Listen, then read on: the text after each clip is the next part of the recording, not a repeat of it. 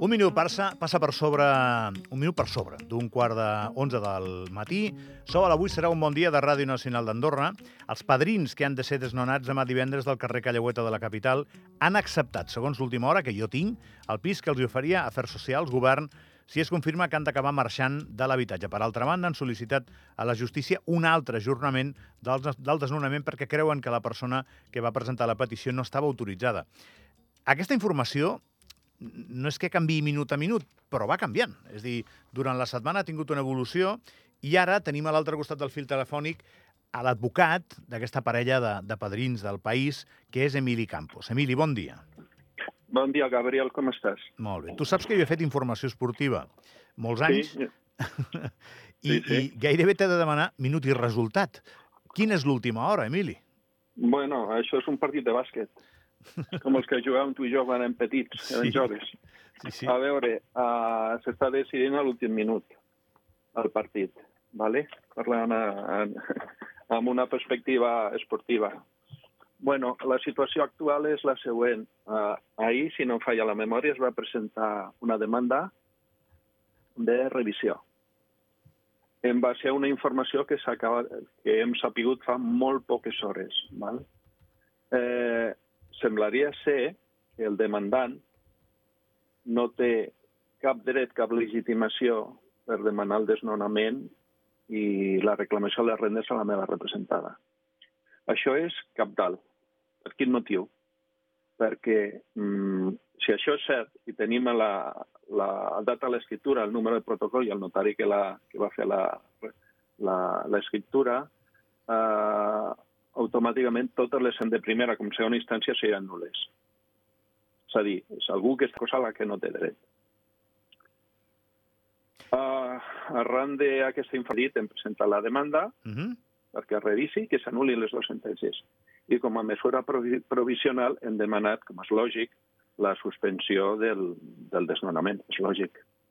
Ara bé, eh, els oients han d'entendre una cosa, que la senyora Ruiz i el seu germà estan en una situació d'extrema vulnerabilitat.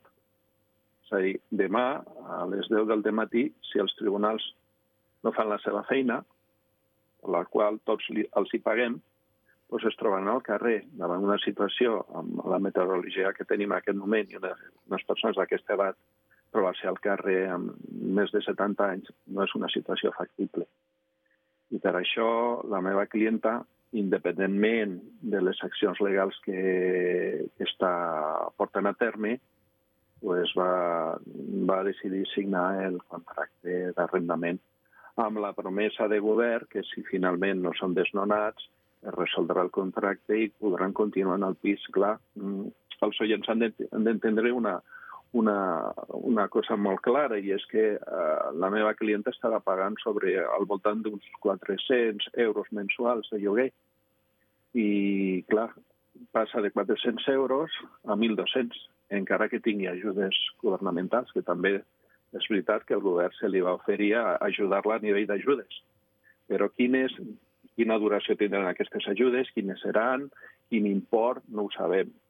En tot cas, jo entenc, entenc que si realment el, el, el suposat propietari no té el dret, la legitimació per, per, per no tenir la legitimació i continuar sense tenir-la, demanar la resolució del contracte eh, i el desnonament i el pagament de la- de l'ocupació indeguda o les rendes, mm, no té per què la ciutadania amb els seus impostos haver de cobrir una situació com aquesta.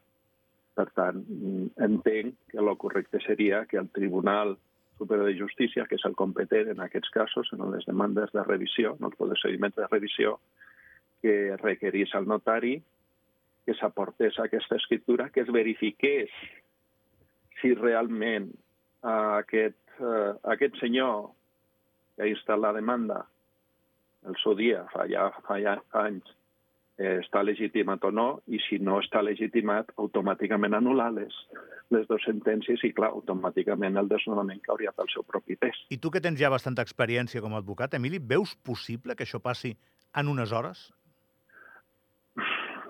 Jo tinc mm, dubtes raonables. No, no estic content, és el meu pare personal, eh? jo no estic content amb la amb, amb l'actuació aquests darrers anys de la Sala Civil del Tribunal Superior de Justícia i tampoc estic content amb la decisió d'un bon grapat de valles. Per tant, tinc els meus dubtes. Ara bé, ara bé, això és la responsabilitat dels magistrats del Tribunal Superior de Justícia, no la meva ni la teva, Gabriel. No, evidentment, la meva segur que no, i la teva pues tampoc. La meva tampoc. No, la teva tampoc, el que passa que la teva en aquest cas és conèixer molt bé exactament el, el dossier doncs, per poder defensar amb totes les garanties possibles, que és el que estàs eh, fent, no?, als teus clients. Llavors, jo em poso en la situació seré possibilista, eh? que, no, que, que no és sí, ni sí, molt menys un desig. Eh? Em poso en la situació que avui no tindrà resposta. Per tant, demà la Isabel i el seu germà seran desnonats. Eh, em poso en aquesta situació, eh? I sí. se'n van, i se'n van a l'altre pis. Eh, ara, ara, a dia d'avui, és el més pronosticable. Eh, Escoltant-te tu també, Emili, eh? Mm -hmm. És això, no? Uh, mira, jo sempre confio en la bona fe i en la capacitat dels diferents operadors jurídics. Malgrat que cada dia em deixo les dents pel terra, m'explico? Revocar de moc és horrorós, no? Però un, un jutge, un, un magistrat, un responsable, independent, que es preocupa per la seva ciutadania i que vol fer resolucions de qualitat, és que això no té, no té cap altra resposta que avui tinc que rebre una resolució acordant la suspensió de la, del desnonament, sí o sí. És que no hi ha res més, és que no, eh, no hi ha altres solucions. Bueno, hi ha, tres, hi ha tres possibilitats. Silencis no, no, no poden, no són acceptables. Vull dir, hi ha no. tres possibilitats, a veure si ho veus com jo, que el, el que m'agradaria és que els oients ho entenguin. Eh? Una, sí. et donen la raó, per tant, eh, se suspèn cautelarment el desnonament, d'acord? Sí. Dues... Provisionalment fins a rebre la, la escriptura pública del notari. Eh, dues no et donen la raó. Uh -huh. Les tribunals decideixen que no i se n'han d'anar, i tres callen. Sí. Si callen, se n'han d'anar també. Sí. Per això dic que si en una situació com aquesta, tan, tan senzilla i alhora tan complexa, Emili, dues de tres no et van a favor, doncs jo crec que el més probable és que doncs, aquests padrins igual demà hagin d'anar al, al nou domicili. I que no sé què passarà, eh? ja veurem. En tot cas, ha de, han de passar les hores. Si és així, se n'aniran o no se n'aniran? Vull dir, perquè tenim un exemple recent d'una senyora que, no, que la volen desnonar i no se'n va la casa seva. Eh, acceptaran el desnonament un cop han signat aquest eh, contracte pel, pel pis que ofereix govern? Pues, Gabriel, això li hauràs de demanar a la meva clienta, no a mi. Eh, I la decisió de la meva clienta millor dependrà de la mobilització ciutadana, dependrà de la seva voluntat, el que vulgui fer, no t'ho sé dir, no t'ho sé dir, no em pertoca a mi. Ja, ja, home, ets, ets, com que ets l'advocat i estàs amb ells eh, sí. eh, doncs quasi sempre, per això t'ho pregunto. No, home, sí, no, a veure, no, jo interpreto lògic, que si han, signat, si han signat, Emili, el, eh, el contracte, suposo que és que ja hi ha una certa acceptació. També t'ho dic perquè tenim un actor que, que per tu és col·lateral, però, però que és, eh, és present, que és la plataforma per un habitatge digne. Llavors, per ells, suposo que l'actuació serà diferent si hi ha un desnonament acceptat o si hi ha un desnonament no acceptat. M'imagino. Mm, jo crec que, el, que la plataforma de l'habitatge va més enllà. La plataforma de l'habitatge el que vol és garantir un habitatge digne a tots els ciutadans d'aquest país. Sí, bueno, i això és un símbol, també, és un, és un exemple sí. dels que ha transcendit. Sí, és un, és un cas que ha transcendit i, per tant, eh, això va molt més enllà de la voluntat de la senyora Isabel. M'explico? Tu saps, mira, et, et, et canvio de tema eh, parlant del mateix, Emili, eh? Ahir a mi em va sorprendre la quantitat de desnonaments l'any que va donar, vam donar nosaltres la notícia, la va fer el, el Pere Moliner. Tu ja devies estar al cas, no? Són, són molts, són pocs? Tu, a tu què et sembla? A veure, no he pogut llegir la notícia que, del Pere Moliner, però si m'ho dius, quin, quants, quants desnonaments hi ha hagut? Doncs jo diria que són 40. Déu-n'hi-do, déu nhi A veure, mm, els de, mm, Gabriel, mira, els, els desnonaments sempre en, en hi ha hagut. Sempre, i és algo normal. El que passa és que actualment tenim una situació molt més complexa, perquè la gent que era desnonada ràpidament trobar un altre habitatge a uns preus correctes que permetien pues, tornar a signar un contracte de lloguer. ¿vale? I el desnonament com a tal no és el problema, perquè de fet és una, les conseqüències d'una resolució contractual. El problema que tenim ara és un problema molt més greu, i és que no, no hi ha habitatges. No hi ha opcions. És a dir, el desnonament en si no és el problema. El problema, el problema és que no hi ha habitatges en aquest país. I això pues, té, un, la, té diferents causes. I aquestes causes pues, tenen, pues, bueno, els propietaris suposo que demanen a vegades massa renda, també tenim les, limitacions orogràfiques del país, no és un país pla, tenim muntanyes, és un país petit, després millor no hi ha hagut les, les polítiques d'habitatge correctes per part dels diferents governs. No estem parlant del govern de, del senyor Espot, que s'ha trobat amb el problema, sinó els, els governs anteriors. És a dir, és un problema complex. I davant un problema complex, les, la, la societat en el seu conjunt, les institucions públiques i molt particularment la justícia ha de donar respostes adequades a la situació que estem visquent en aquest moment. I torno a agafar-te a, a reprendre la pregunta que em feies abans sobre la resposta dels tribunals. Els tribunals han de ser conscients que hi ha un problema gravíssim d'habitatge en aquest país. I per, com hi ha un problema gravíssim d'habitatge, el que han de fer és la, adoptar la primera decisió, la primera opció que tu em plantejaves. Com ha de finalitzar el partit? Pues, lo primer és suspendre el desnonament.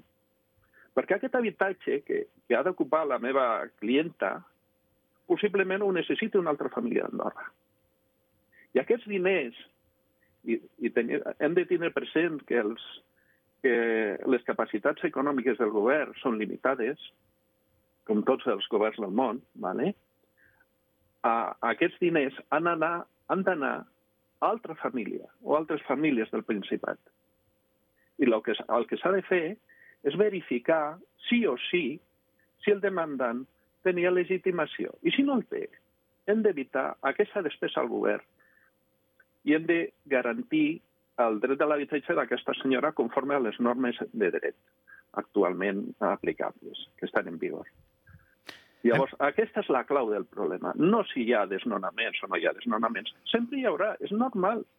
Sí, no, és, és el funcionament d'una societat en la que hi ha compra-venda de béns i uns són els pisos o el lloguer dels pisos, no? I aquestes coses passen.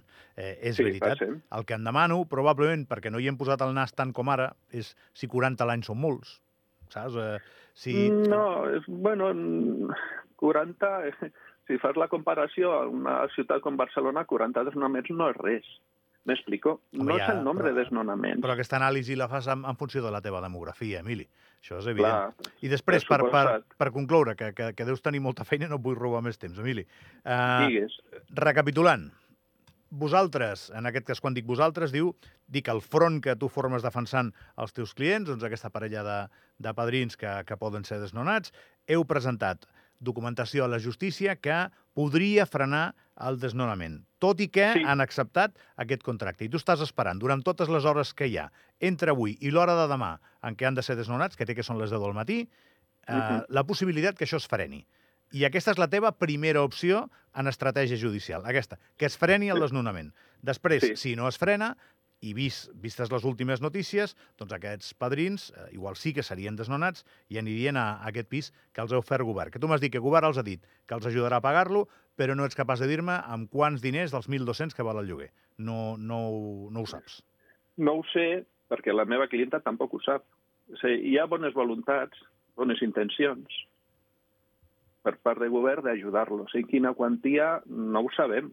Durant quant de temps no ho sabem per això són, hi ha una sèrie d'interrogants, d'incògnites en aquest cas, que em preocupen. I em preocupen molt. I clar, el govern, Benestar Social, el Departament de Benestar Social, no és, no és, no és aliar al fet de que, del fet de que la meva clienta es troba en una situació d'extrema extrema vulnerabilitat. Ella i el seu germà particularment el seu germà. Emili Campos, moltíssimes gràcies pel teu temps, eh? Que vagi molt bé. A tu. Adéu, Gabriel. Abraçada, que vagi bé. Una abraçada.